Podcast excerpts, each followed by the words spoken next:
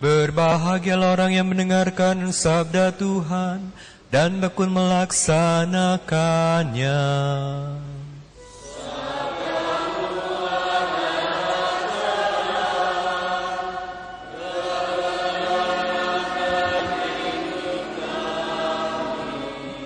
Demikianlah Injil Tuhan.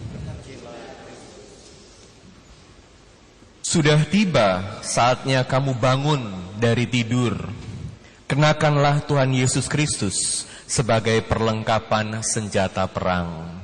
Saudara-saudari saya yang terkasih dalam Kristus, hari ini kita memasuki masa Advent, masa penantian, dan pesan dari bacaan-bacaan hari ini sangat jelas yaitu supaya kita harus berjaga-jaga. Bacaan pertama Nabi Yesaya, bacaan kedua Santo Paulus dan bacaan Injil Yesus sendiri katakan bahwa kita harus berjaga-jaga. Apa artinya berjaga-jaga? Bagaimana berjaga-jaga? Bagian pertama saya akan menjelaskan mengenai berjaga. Bagian kedua, bagaimana kita harus saling menjaga. Dan bagian ketiga, bagaimana kita dijaga. Berjaga. Kenapa kita perlu berjaga? Apa artinya? Kalau kita berjaga, kita ini kan bangun, kita sadar, kita bisa melihat dengan jelas. Kenapa perlu bisa melihat dengan jelas? Karena ada banyak orang hidup di dunia, baik itu hidupnya enak ataupun hidupnya sulit, tapi nggak sadar akan apa yang dilakukan dia tidak sadar secara penuh. Jadi ini seperti orang yang tidur. Kadang dalam hidup situasi kita enak. Kalau lagi enak kita terlena.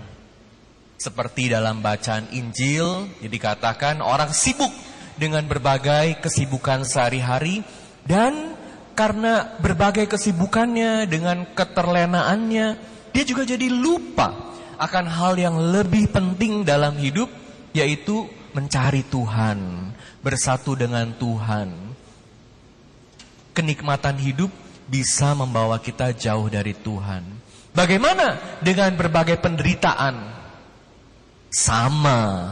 Ada banyak orang yang karena dalam hidupnya itu mengalami banyak penderitaan, tekanan demi tekanan harus dijalani, ini buat dia malah jauh dari Tuhan.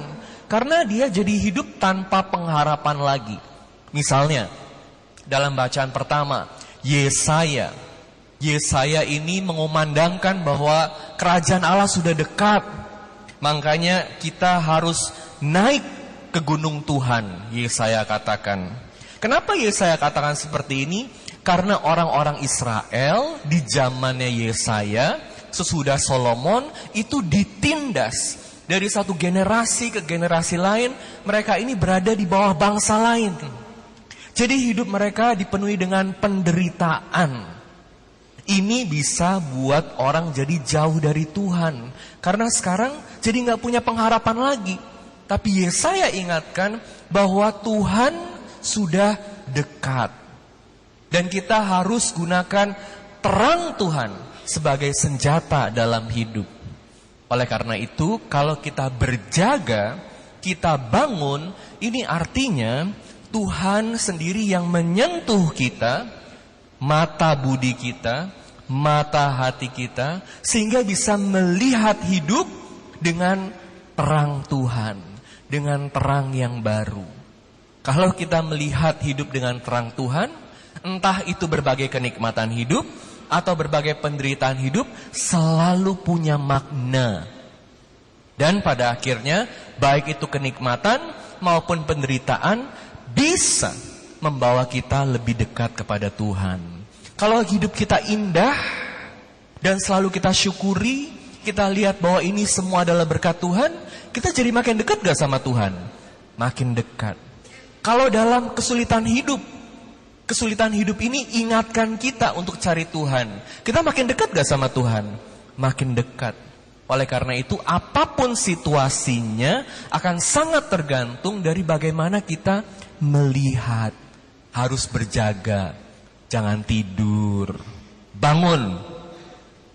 Dan tentu ketika Tuhan sudah menyentuh hati kita, sudah memberi visi yang baru buat kita, mentransformasi visi hidup kita, sekarang kita harus belajar saling menjaga satu dengan yang lain.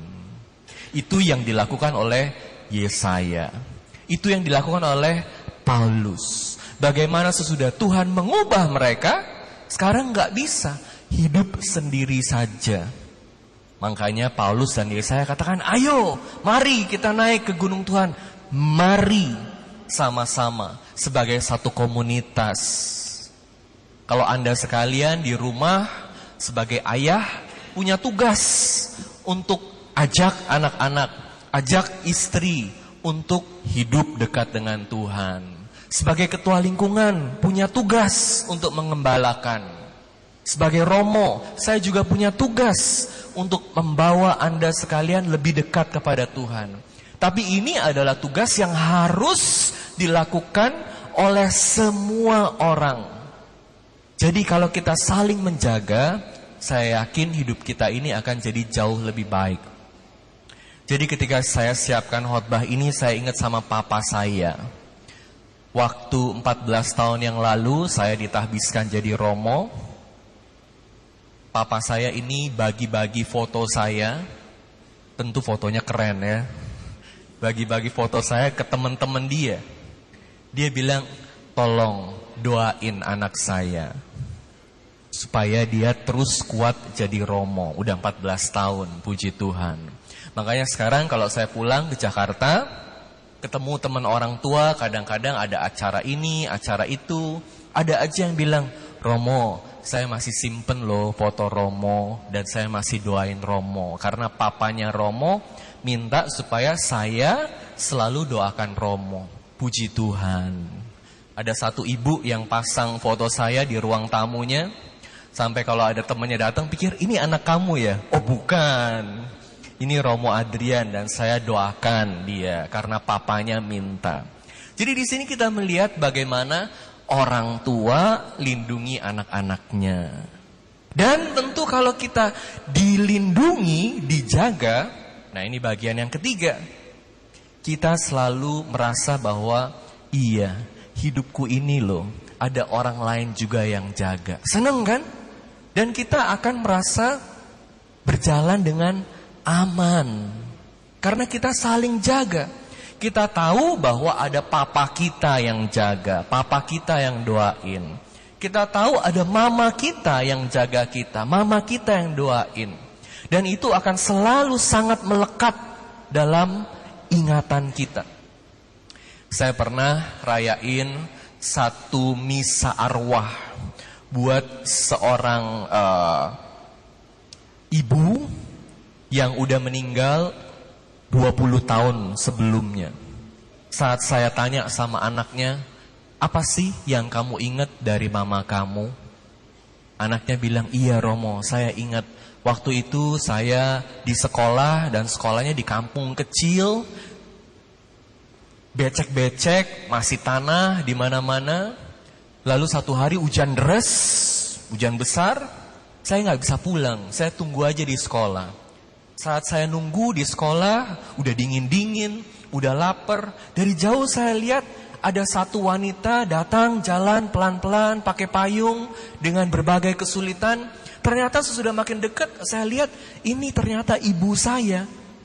Jadi itu saya nggak pernah bisa lupa bagaimana walaupun hujan sangat lebat, jalan becek-becek, kedinginan, tapi ibu saya nggak mau saya di sekolah kelaparan kedinginan. Jadi dia jemput saya dan ini yang selalu membekas dalam hidup saya, dalam ingatan saya. Udah lebih dari 20 tahun mamanya nggak ada, itu yang dia ingat. Dan tentu ini adalah satu hal yang kita sangat syukuri dalam hidup. Bahwa dalam hidup kita perlu saling menjaga satu dengan yang lain. Tetapi yang lebih menggembirakan adalah bahwa kita dijaga. Hari ini kan pesannya Tuhan Yesus supaya kita selalu berjaga-jaga. Terutama karena kedatangan Yesus kembali kita nggak tahu kapan. Ketika kedatangan Yesus itu kembali, kita harus siap untuk diadili. Karena Allah adalah Allah yang adil. Allah akan lihat kita ini hidupnya bagaimana. Baik atau sembarangan. Udah bangun atau masih tidur. Tapi kabar gembiranya adalah Allah bukan hanya Allah yang mengadili, yang keras, yang menghukum. Tapi Allah juga adalah Allah yang penuh kasih. Allah yang melindungi. Kalau sampai ada orang masuk neraka, orang itu kan kehilangan Tuhan kan? Orang itu kehilangan berkat Tuhan, kehilangan Bapa. Tetapi bukan hanya orang itu yang kehilangan. Bapak yang mengasihi dia, Bapak yang bersedia melakukan apa pun demi setiap anaknya juga akan kehilangan dia. Makanya Bapak kita yang di surga itu akan selalu melindungi kita apa pun caranya. Dia nggak mau kita jatuh. Dia nggak mau kita tersesat. Jadi kita hidup dalam kerajaan Allah di mana sang raja melindungi kita.